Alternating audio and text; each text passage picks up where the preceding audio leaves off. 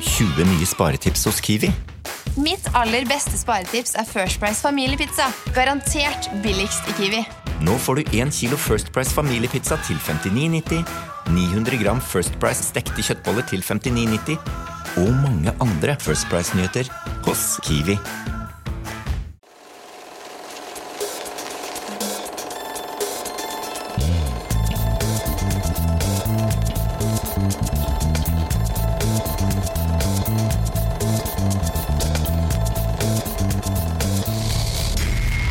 Filmmagasinets podkast. Godt nyttår! Godt nyttår. Godt nyttår. Og velkommen til Filmmagasinets podkast. Dette blir en episode royal. Det blir en eh, sending i kronens tegn, og det er rett og slett snakk om The Crown. Serien som nå har blitt avsluttet med sin sjette sesong. Og vi skal snakke om alt som har med den å gjøre. Vi har med to gjester. Vi har Carl August Klevjer, som bl.a. har jobbet som film- og kulturjournalist i NRK, og nå skal jobbe med film selv. Yes, det stemmer. Nå er jeg ute i produksjon denne måneden, faktisk. I en helt ny film som jeg har jobbet med i altfor lang tid. Fire-fem år, men coviden satte en god stopper, så nå er det endelig tilbake til det jeg har drømt om. Jeg. Spennende. Jeg vil gjerne høre mer om det veldig snart, men jeg tenker jeg skal introdusere min andre gjest, som da er Henny Karine Hesimark. Stemmer det. Velkommen skal du være. Tusen takk. Du er generelt interessert i alt som har med britisk kongehus, kongehus rundt omkring ellers òg. Eller er det spesifikt til den britiske? Eh, jeg elsker alt som har med slott, kroner, juveler og glitter å gjøre, men jeg har lagt min elsk spesielt på Storbritannia.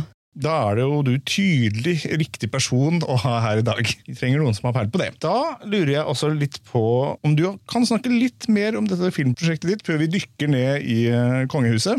Det er prosjektet det heter Gutta, og det er en uh, samfunnskritisk satire slash uh, komedie. Og det handler på en måte om litt dette prestasjonsjaget som veldig, veldig mange unge, spesielt unge menn, uh, føler på i dagens samfunn, som ofte får utløp i ganske usunne vaner. Da. Og det er jo bare å ta en titt på Instagram og TikTok-algoritmer og en kynisk selvhjelpsindustri. Så, det er, så mener jeg det er noe vi absolutt ikke snakker om.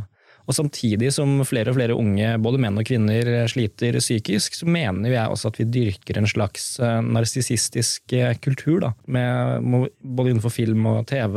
Så jeg mener at det er en veldig veldig usunn kultur som vi kanskje ikke snakker nok om. Så vi følger en ung karakter som heter Adrian. Han har akkurat flytta fra sin lille bygd og inn til storbyen for å lykkes med musikk. Drømmer om å skrive klassisk rock, finner fort sin gjeng og sin nye kjæreste. Men så får han et tilbud om å være med i en veldig, veldig populær musikkgruppe som driver veldig med denne type da, festmusikken og russemusikken og slike ting. Så han tjener mer penger, får mer anerkjennelse, blir endelig sett, men blir jo mer og mer ulykkelig. Da. Så det handler på en måte om hva er veien til lykke i et eksponeringssamfunn.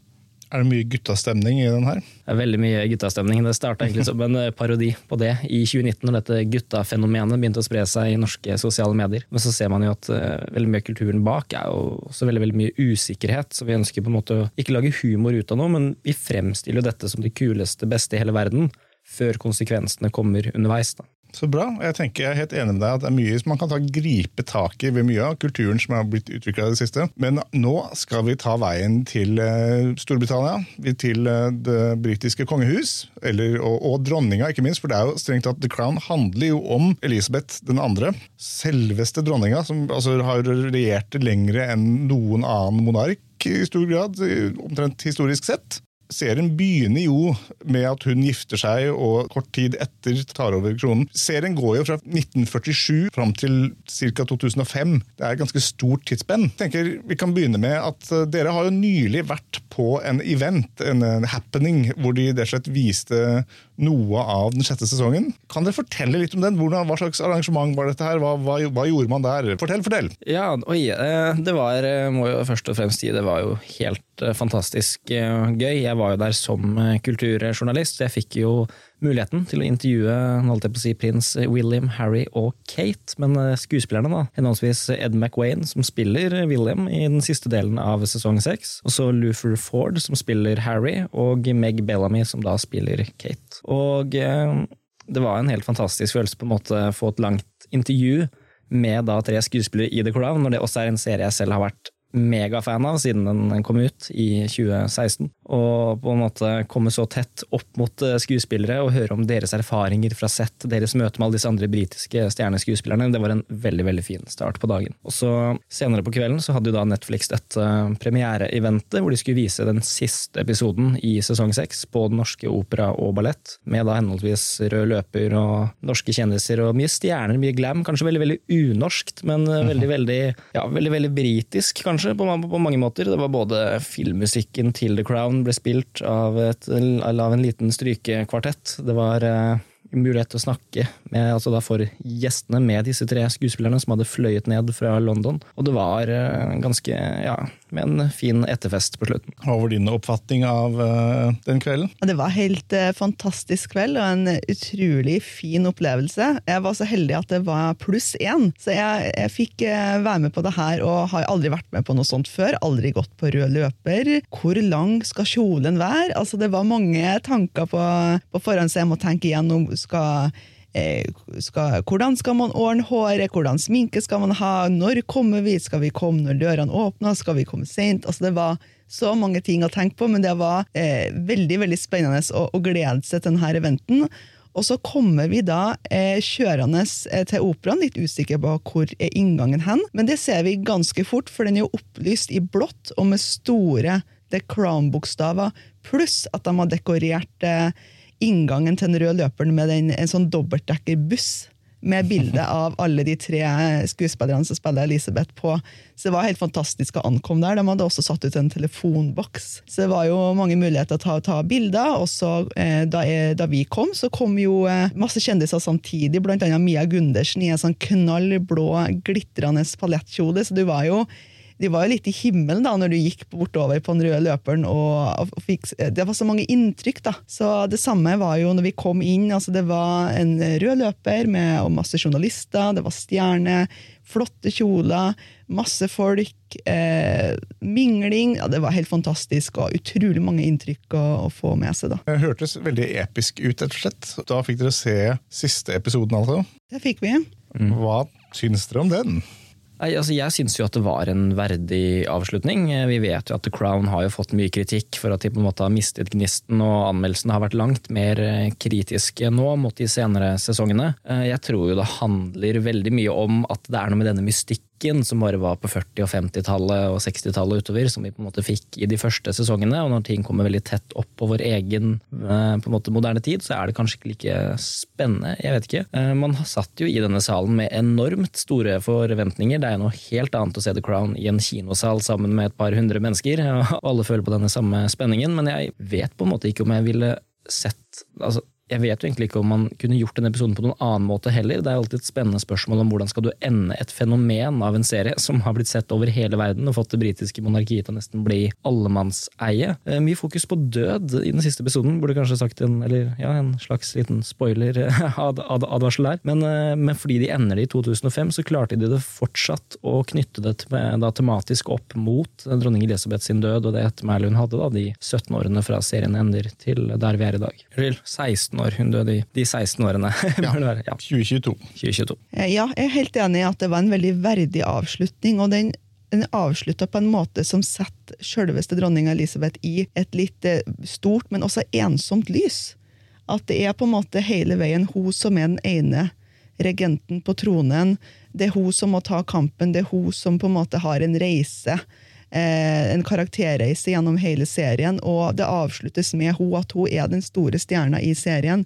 Selv om du har hatt masse spennende karakterer. Det er jo prinsessønnene, det er Diana, og det er alle eh, medlemmene av kongefamilien, men det er på en måte hun som alene står på toppen og hele tida tar valg som påvirker hele dynastiet. Og dronninga er jo naturlig nok den røde tråden gjennom hele serien. Eh, den er jo på mange måter om henne. Eh, og jeg husker særlig siden du nevner dette om uh, at det er ensomhet. så jeg husker En av de første scenene i den aller første episoden, så sitter jo hun der med sin far og skal på en måte dra på sin første sånn Commonwealth-møte, fordi han vet at han skal dø av kreft. Men det vet ikke hun. Og, han sier, og hun spør liksom, er det ensomt. Ja, ja, det er det. Og det kan man på en måte tenke litt tilbake på når man på en måte ser hvor egentlig ensomt det er å sitte med den faktiske makta i så mange år. Det må jo være ensomt. Tematisk også, så var det på en måte noe fint. Nei, så Det var jo også det jeg likte med, med denne avslutningen, var jo dette siste, siste bildet vi noensinne da får se av The Crown. I denne store, mektige kirken som både symboliserer at Elisabeth er liten, men også stor. Eh, så hun ser liten ut i bildet, men du får fortsatt denne grandiose følelsen. Og at det da er eh, knyttet så tematisk opp mot død også, var jo en veldig veldig interessant måte å avslutte det hele på. Jeg, jo, jeg var så heldig at jeg fikk snakke med den norske regissøren som har regissert to episoder i siste sesong. Og han fortalte jo at de måtte skrive om manus ganske mye da dronning Elisabeth faktisk døde. Da hadde de skrevet manus for den siste episoden, men måtte endre en god del, da. Jeg sa han litt hva, hva, hva, hva, var det han hva de hadde endret? Nei, for det var det jeg ikke fikk tak i. For, jeg spurte, fordi for meg så var eh, avslutninga så naturlig, og helt, jeg synes det var helt naturlig at man fokuserte på død og ettermæle, fordi i og med at eh, serien slutta i 2005, så må du på en måte få få med på en måte dagens aktualitet også inn. Så jeg, jeg på en måte tenkte at ja, det var helt naturlig å ha med litt ettermæle, litt død, men ifølge han så, så, ble det gjort større endringer da, grunn av, av dødsfallet. Da, rett og slett. Ja, fordi den siste sesongen nå er den eneste sesongen hvor både prins Philip og dronninga allerede var døde etter den kom ut. Underveis da, så har jo de kunnet høre om, og eventuelt jeg vet ikke om de har sett, sett sin egen serie. på en måte. Det har jo vært knyttet mange spørsmål uh, mot uh, det. Jeg hadde prøvd å søke meg litt gjennom artikler òg, men uh, av min oppfatning, og det må jeg bare nevne min oppfatning, så tror jeg ikke de har sett noe. men det som er kanskje litt kynisk, men som også på en måte nesten ble en trend, det var jo denne dagen i september i fjor, når dronning Elisabeth døde og BBC annonserte det. Så dukket det jo opp klipp på YouTube hvor de hadde lagt annonseringen, og da dette bildet av flagget som blir heist på Winster, til filmmusikken til The Crown. Hmm. Og så var det masse spekulasjoner. Dette burde være sluttscenen, så du fant fan-edits av The Crown etter begravelsen med denne kisten, og de la på dette, dette temaet til Hans Zimmer. Jeg syns det er helt greit at eh, serien slutta i 2005. Du ser jo dronninga går ut mot eh, utgangen av denne store katedralen i siste scene, og du ser jo at hun, hun går jo på en måte bevisst også fremover, for hun har fremdeles en lang regjeringstid igjen. Så jeg tenker at eh, det, det, gjør ingenting at vi slutta der, for da har vi på en måte mange gode år igjen på en måte i serien, men samtidig så er det en, en avslutning av en eh, Altså Vi beveger oss mer mot en kontinuitet da, de neste årene. Og dere har nok et poeng fordi det er nærmere vår tid, og kritikken av serien har gradvis gått og blitt mer og mer kritisk, så er vel det kanskje en sammenheng med at dette er ting folk har levd igjennom selv, og, og da blir det mye lettere å være plukke på det.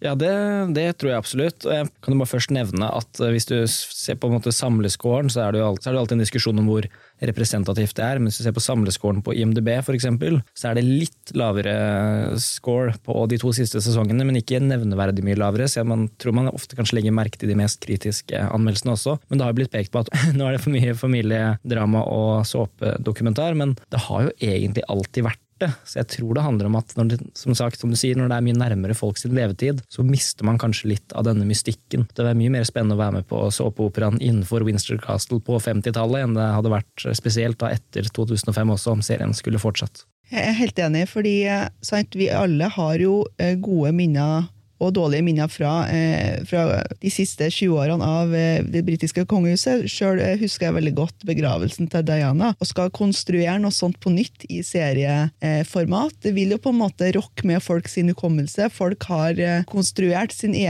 sin egne minner da, som på en måte blir utfordra med den moderne serien, og det blir jo noe helt annet. at man kan eh, skru tilbake tida til 1950-tallet, og det var mer mystisk og mindre informasjon. Det er færre som husker hvordan det var, og det var, ja, det var jo mye mindre informasjonsflyt og kommunikasjon fra, fra kongehuset enn det, var, enn det har vært i moderne tid. Da. Sånn som I forhold til slutten av sesong fem og begynnelsen av sesong seks, så er jo midt inni denne historien om eh, dronninga og kongehuset, så er det jo en, nærmest en liten miniserie om Diana og Charles og Dodi Al-Fayed, hvor det er, fokuset er veldig sterkt på henne og hvordan hun påvirker kongehuset. Og, og det er litt interessant, fordi det er jo veldig mye av det som skjer i sesong seks, knytter seg jo til hvordan det utvikler seg.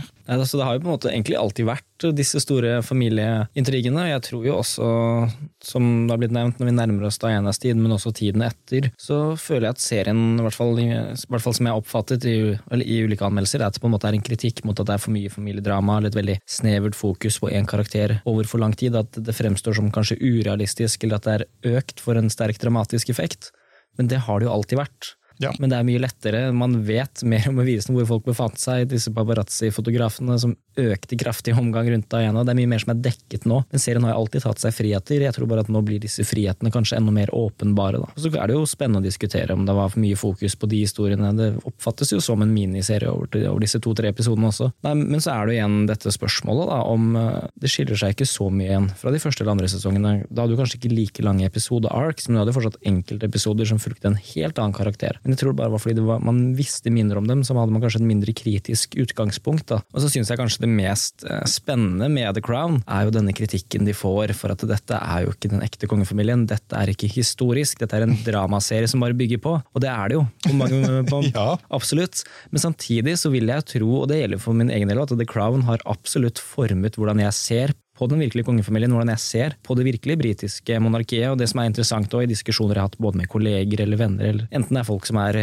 langt inne i filmbransjen eller bare liker å se en god serie, så snakker man om The Crown som om det er ekte. Og det syns jeg er interessant, at de har denne hårfine eh, balansen hele tiden mellom det som er fiksjon og det som er eh, virkelighet. Hva har den gjort med folks oppfatning? Ja, vi ser jo at den yngre generasjonen i dag de, får, eh, de lærer og de får informasjon fra andre medier enn før. altså Det er ikke de tradisjonelle avisleserne, kanskje. Og man får på en måte kunnskap via andre kanaler. og jeg tror TV-serier er en viktig kilde til kunnskap, og så er det så lett. Det er så lett å la seg fange av detaljnivået og på en måte realismen i serien. Du ser jo at det er en litt annen realisme i The Crown enn f.eks. Downton Abbey, som er en god konkurrent til The Crown. Men det, er, det føles ekte. Eh, du har, sant, De har laga kopier av brudekjolen til Diana og draktene til dronning Elisabeth, så hvis kjolen er lik, så føler du at dialogen det må jo ha vært sånn.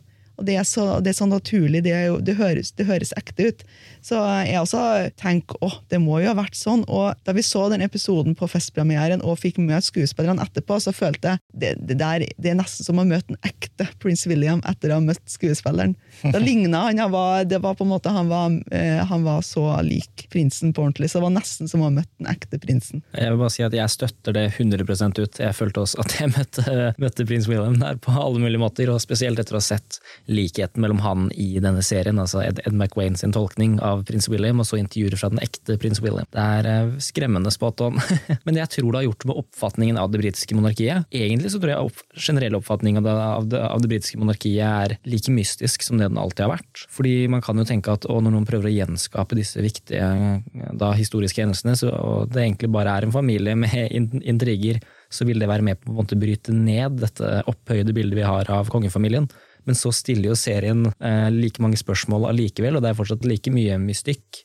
Med tanke på bare hvordan serien løser det med filmmusikk og fine bilder, bygge opp scener. Så jeg tror det ikke endrer folks oppfatning av det britiske monarkiet.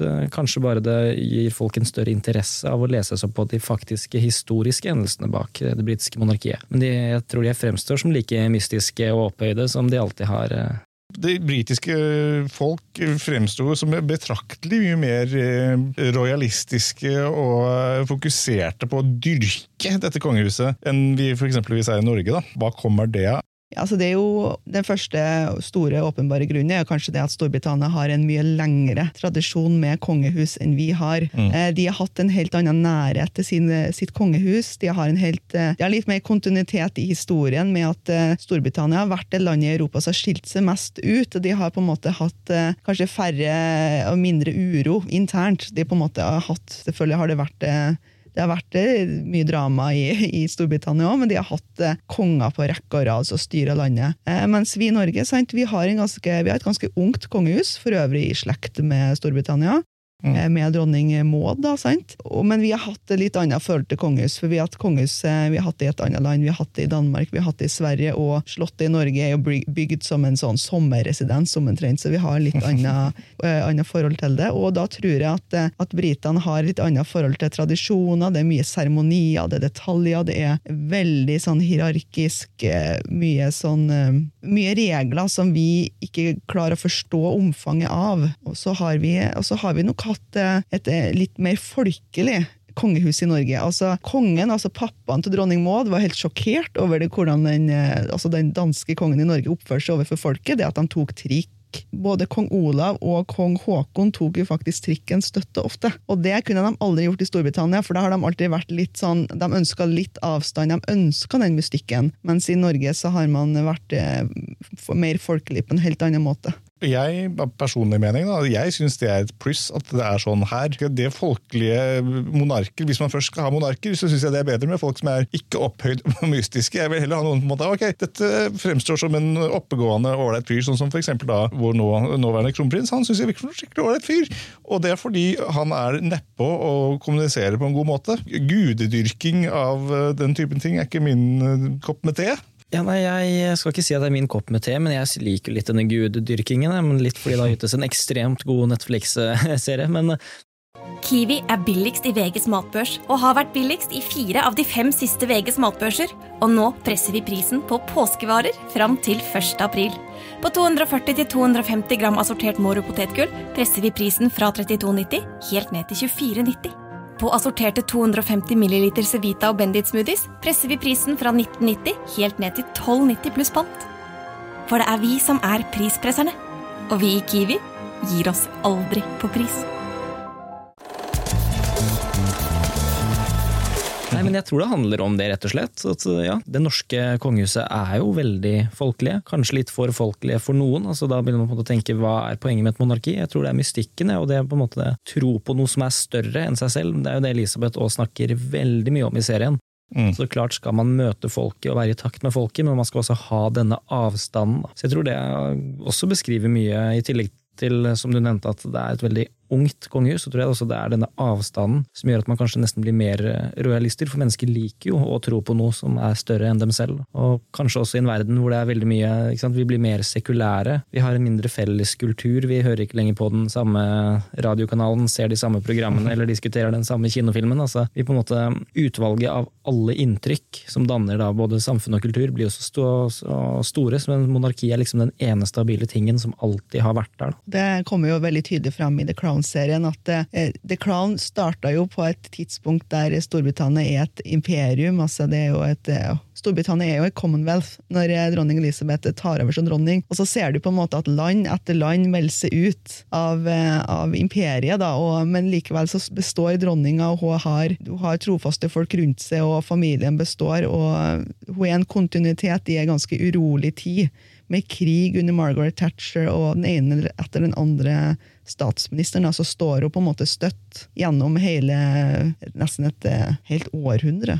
Ja, Det er jo ganske vilt hvor lenge hun holdt det gående. Hvilke øyeblikk eller scener i serien tenker dere de er de måte, sterkeste, eventuelt mest kontroversielle scenene? Nei, så Det er kanskje to scener eller øyeblikk eller på en måte montasjer som har overrasket meg, og begge involverer eh, prins Philip. Det første er nok disse ryktene om denne utroskapen han hadde til en danserinne eller som danset i balletten i løpet av de første sesongene. Og bare se på en måte disse da to monarkene, Elisabeth og Philip, som du kjenner som disse to nesten statsoverhodene, hvis jeg kan bruke det ordet. Og har egentlig bare sett hvordan de ser ut, og har en oppfatning av de fra da tidlig 2000-tallet og frem til i dag. Og ser de som et ungt ektepar som kanskje, det vet jeg ikke, involverte en tredjepart som har disse diskusjonene om kjærlighet. Da. Det var eh, overraskende. Og en annen ting som også var veldig overraskende, og som også er en del av historien som så klart ikke har blitt snakket mye om i ettertid, det var jo at prins Philip vokste opp i en familie som hadde koblinger til nazistene. Å se denne begravelsesscenen til hans onkel med, da, i Tyskland på 30-tallet med store hakekors og Wehrmacht-uniformer, og ja, det var også noe på en måte du ikke kunne tenke deg at det britiske monarkiet hadde vært involvert i så var ikke involvert. Han vokste opp i denne familien og var en veldig veldig ung gutt, men det er ikke det jeg kan heller kalle det. Det er jo ikke, det, det er ikke den koblingen du forventer å se til det britiske monarkiet. Uh, men så kommer man jo på at disse kongehusene i Europa er jo ganske tett uh, beslektet, og har jo også vært brukt -hmm. som uh, diplomater i ganske mange, mange tiår. Så det var jo på en måte øyeblikk som overrasket meg veldig, og som sikkert blir heftig diskutert også, fordi det, uansett om de ikke hadde direkte koblinger, han bare vokste opp i denne familien, så vil det jo, når du da kjører The Crown og en hel scene med hakekors, så vil jo det brenne seg inn i mange folks minner også. Men så er det jo en viktig del av historien. Jeg syns det var veldig kult at de fremstilte det og de faktisk gikk tilbake, og så hadde disse tilbakeblikkene. Du hadde jo mange tilbakeblikk som var sjokkerende. Drapet på tsarfamilien i Russland på starten av 1900-tallet, men også når faren til kong Elisabeth var nede og besøkte Nazi-Tyskland og hadde inspeksjon av disse SS-soldatene. Jeg syns det var veldig spennende med de tilbakeblikkene, og det fikk meg til å tenke litt på den scenen der prins Philip er på det her forferdelige internatet i Skottland og støbler stein i regnværet og sliter veldig med tapet av denne onkelen, farsfiguren. Og så ser vi en utrolig trist oppvekst, og så ser vi hvordan det påvirker forholdet til Charles. Det syns jeg var veldig spennende i serien å se. Det der han far, sønn, mor-datter-relasjon som eh, kan diskuteres som Var det så rått? Var det så hjertekaldt? Har på en måte prins Philip sine erfaringer fra sin egen barndom eh, påvirka han i foreldrerollen? For han behandla jo Charles eh, litt dårlig i serien, da. Og så ser vi på en måte at Charles er et sånn barn med masse følelser, og det ser vi igjen i forholdet til Diana. Så skildres det at han er misunnelig på den oppmerksomheten hun får, at de er to personer med veldig mye følelser som trenger anerkjennelse, men som ikke har som ikke klarer å gi hverandre den eh, anerkjennelsen, og, og, eh, som ikke klarer å gi hverandre de følelsene de så sårt trenger, da, som de kanskje ikke har fått i oppveksten. Hva tenker dere om fremstillingen av Charles i serien? da? Han, at han ble fremstilt ganske negativt i mediene. Hvordan syns dere han har blitt formet i serien? Er han sånn som folk så han, eller eh, er han fremstilt mer positivt? hvis jeg kan ta for meg det visuelle først. Han lignet mye mer i de fire første sesongene enn de to siste på den faktiske Charles. Så enig. Ja, det, det, skjedde noe der, men herregud, en fantastisk god skuespillertolkning. Um, nei, det er vanskelig å si. Man kjenner jo på en måte så lite om den uh, faktiske historien. Men man, jeg vil jo si at det var et ganske negativt og kritisk blikk på han, absolutt. Men igjen så kan man jo diskutere hvor negativt var det hvis man skal forstå han som en karakter. Hvis man samtidig husker tilbake da, på disse brutale scenene fra det som jeg i hvert fall ville opp, oppfattet som en ganske psykisk brutal oppvekst, så er det mye som forklarer også hvorfor karakteren Charles har blitt den karakteren han er i serien. Ja, for eller for lite negativt, det er vanskelig igjen, for man vet jo ikke hvor mye er som er reelt, hvor mye som er ren eh, fantasi, men fra et serieperspektiv, hvis man ønsker å forstå karakteren, så var det i hvert fall ingenting som skjedde hvor jeg tenkte at å nei, dette gir ikke mening i forhold til karakteren slik vi har kjent han, så dramaturgisk så kan man jo si at det var positivt for et godt stykke håndverk på manusfronten, men hvis man tar alt som skjer i denne serien for god fisk, så vil man jo sikkert få et veldig negativt bilde av Charles, det vil jeg tro. Jeg tenker at uh, altså Mitt bilde av Charles har ikke endra seg. Det har ikke blitt mer negativt uh, etter å ha sett serien. Uh, vi ser jo at Charles er en veldig kompleks karakter. altså Man har jo sett litt lite til ham. Han har på en måte alltid fått slakt av media. Mm. Og han har alltid stått i skyggen av sin mor. Så ser du i serien at han er en kreativ person, han har mange følelser. Han har hatt et, et halvt studieår i Wales. Og han er mye mer kompleks da, enn man er vant til å se han gjennom TV-ruta. Så jeg har fått litt mer, kanskje litt sympati for Charles, for at han har hatt en hard oppvekst. Han har hatt foreldre som holder litt avstand til han, som kanskje har forventa veldig mye mer. Kanskje ble han pressa inn i et ekteskap han ikke ville, fordi alle syntes det var riktig, og han, han hadde jo funnet tonen med Diana, men var det nok? Så jeg, jeg syns litt synd på han. Jeg, jeg syns jo at eh, han skulle gifta seg med Camilla med en gang, og vi hadde fått en lykkelig historie med en gang. Altså, det har vært så mye styr av det ekteskapet han, som, som aldri skulle vært inngått. Helt, helt enig. Altså, jeg fikk jo mer sympati for karakteren Charles, det er viktig å nevne. Det var mye der som også overrasket meg og har fått meg til å lese meg opp på den faktiske his historien da, til den nåværende kongen. Men jeg tenker også at eh, det er jo mange som var, og fortsatt sikkert er Team Diana. Hun fortsetter jo på å påvirke måten vi snakker om det britiske monarkiet på. Så når jeg tenker på negativitet, så tenker jeg på en måte at eh, dette var jo ikke hennes skyld heller, og hun gikk jo innom et enormt stort eh, psykisk press. Så det er kanskje det, og at det også nå har skjedd i de senere sesongene, som har brent seg fast i minnet. Men jeg følte at det var velbalansert.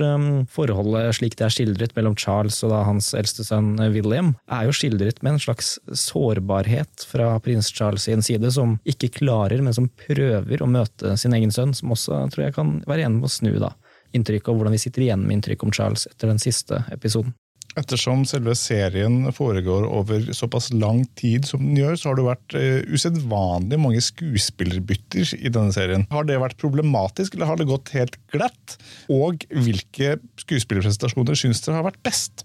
Oh, godt spørsmål. Eh, ikke helt glatt, men det tror jeg ikke er mulig, fordi vi rekker å forelske oss i en tolkning av en karakter på knappe to sesonger. Det gjør vi, så det var, det var alltid rart å se en ny britisk stjerneskuespiller. Men jeg syns det fungerte veldig godt allikevel, spesielt på byttene for Elisabeth. Også litt vanskelig å se byttene til prins Philip, men det var kanskje fordi jeg elsker han i de to første sesongene, litt fordi det er selveste Matt Smith fra Doctor Who som, som tiltrer denne rollen og ga han en sjarm som jeg på en måte ikke følte at de andre tolkningene fant tilbake til, men som hadde andre kvaliteter da, med, de, med den alderen prins Philip var da i henholdsvis sesong tre fire, og så neste bytte da i fem og seks. Nei, men jeg tror kanskje den, den tolkningen som har imponert meg mest, det er jo da hovedpersonen selv, nemlig dronning Elisabeth. Og det er nok enten hennes tolkning i de to første sesongene da, av henholdsvis Claire Foy eller Olivia Coleman i sesong tre og fire. Og det er fordi begge disse skuespillerne har klart å vise fram en dronning og vise fram sårbare sider som mor, som datter, som ansvarlig for et helt eh, regime, hvis jeg kan kalle det. Det blir kanskje feil ord, ikke et regi. Ja, det kan jo ses. Noen ja, vil kanskje synes det. Det er sant, kommer an på hva man legger i ordet regime, men eh, i et statsapparat, så er vel kanskje, hvis jeg skal eh, korrigere meg selv der, uten å miste mystikken eller den respekten veldig mange har for dronning Elisabeth. De har begge gjort henne til en enormt kompleks karakter, og jeg tror jeg trekker frem de to prestasjonene nettopp fordi det er en side av dronning Elisabeth vi ikke har sett som de fleste ikke har et forhold til. Da, for da snakker vi om fra 50 til ja, tidlig eller sent 70-tall, så det er ganske mange tiår som ikke nødvendigvis er like godt bevart som tiårene som kom etterpå. Jeg vil gjerne kaste meg på den, jeg òg. Eh, begge to veldig bra, og jeg syns også Imelda Staunton er bra. Men jeg syns Olivia Colman hun nailer jo alt hun spiller i. Den dama er en dyktig skuespiller, ass.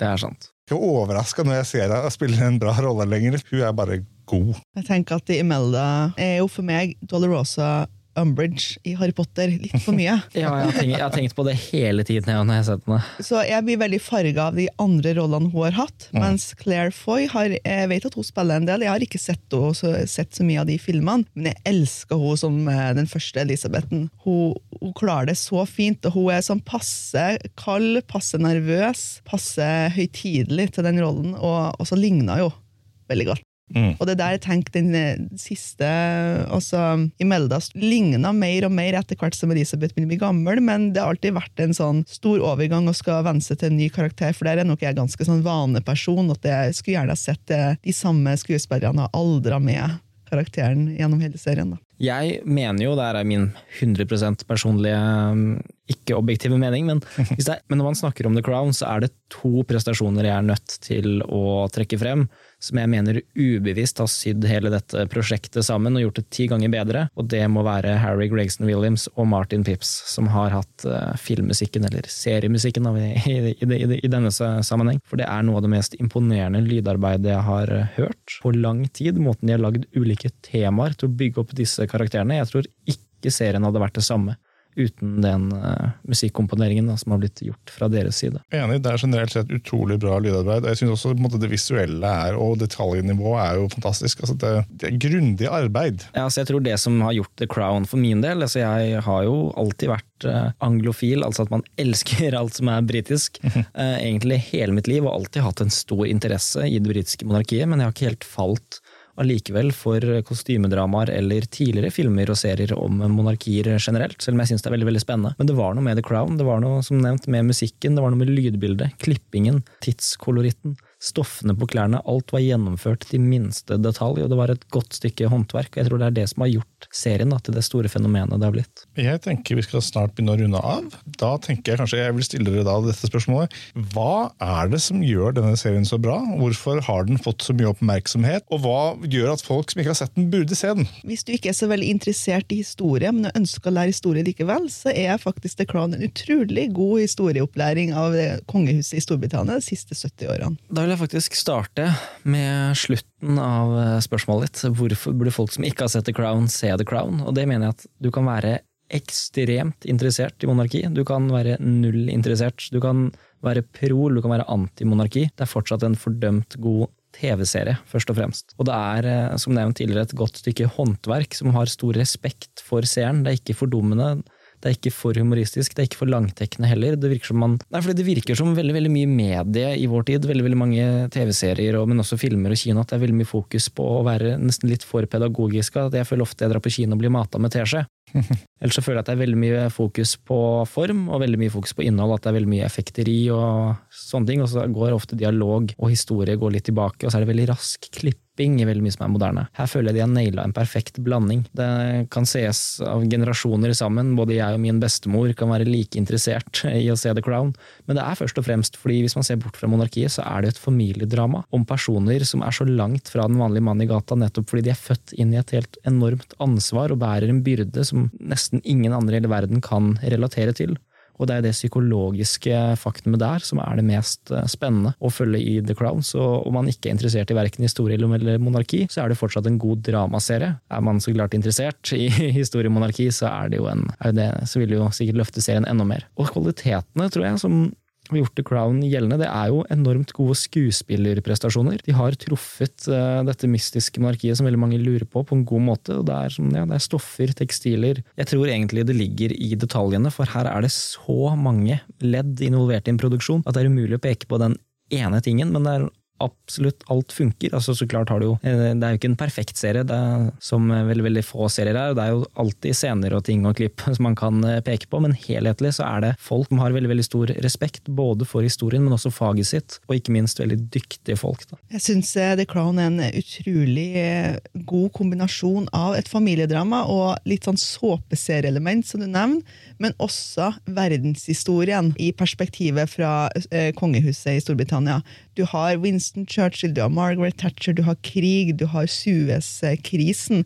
Alt fletta så elegant inn i denne såpeserien av en dramaserie. Så du får, eh, du får virkelig på en måte servert eh, historiske begivenheter på gullfat i serien. Det er kjempespennende å se. Det er jo Europas historie. altså Det er jo ting som har påvirka oss. Det påvirker hele verden til en viss grad. Britene har jo hatt maktsete i Europa og kolonisert, eh, dessverre, store deler av verden på, på forskjellige tidspunkt. Så det er naturlig at folk er nysgjerrige på det kongehuset da, som har hatt så mye innflytelse på verden vi lever i. Ja, Absolutt. og Når du nevner det med innflytelse, og det er jo ikke bare monarki, det er jo politikk. Det er britisk politikk. Vi følger jo statsministre på besøk til Det hvite hus. Vi er innom eh, krigen i Egypt på 60-tallet. Det er masse om andre verdenskrig. Første verdenskrig er nevnt, den russiske revolusjon. Dronninga besøker Jeltsin. Yes.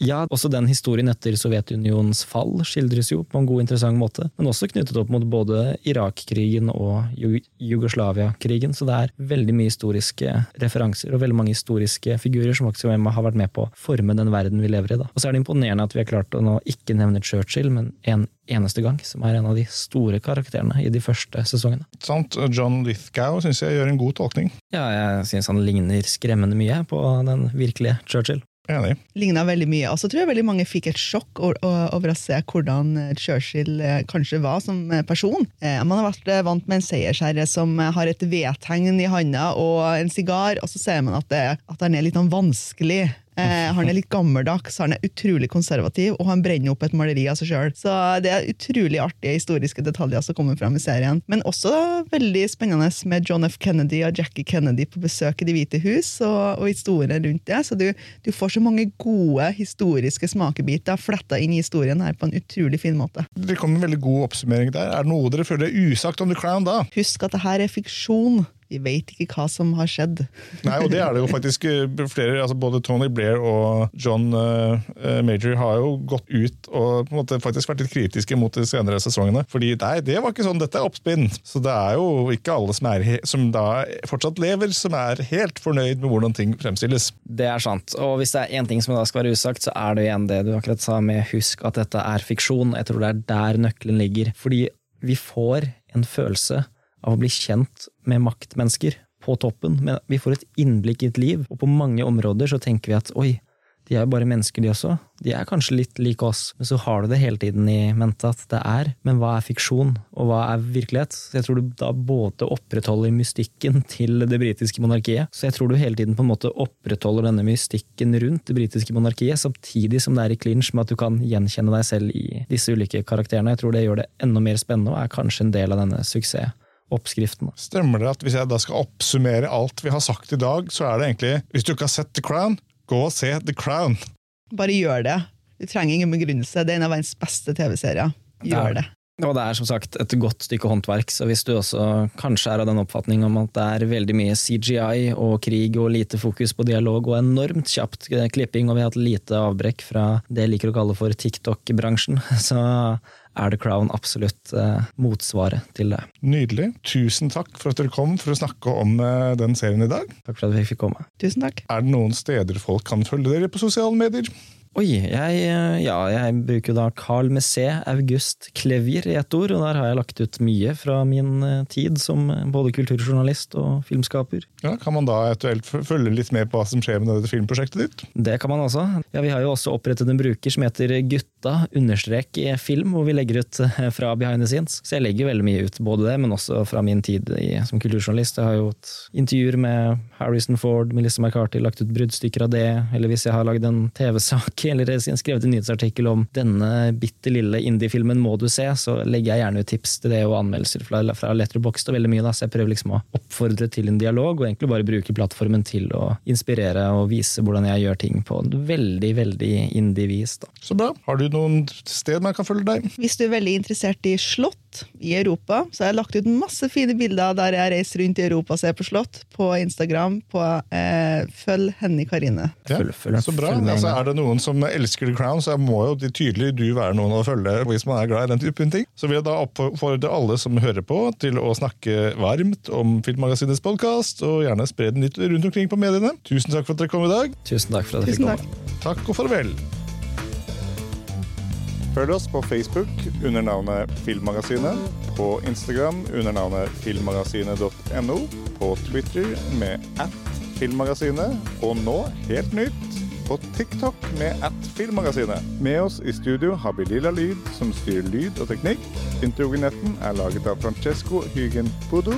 Tusen takk til Bauer Media for godt samarbeid og utlån av studio. Ansvarlig redaktør for Filmmagasinet er Eirik Bull, og mitt navn er Tor Aaberg.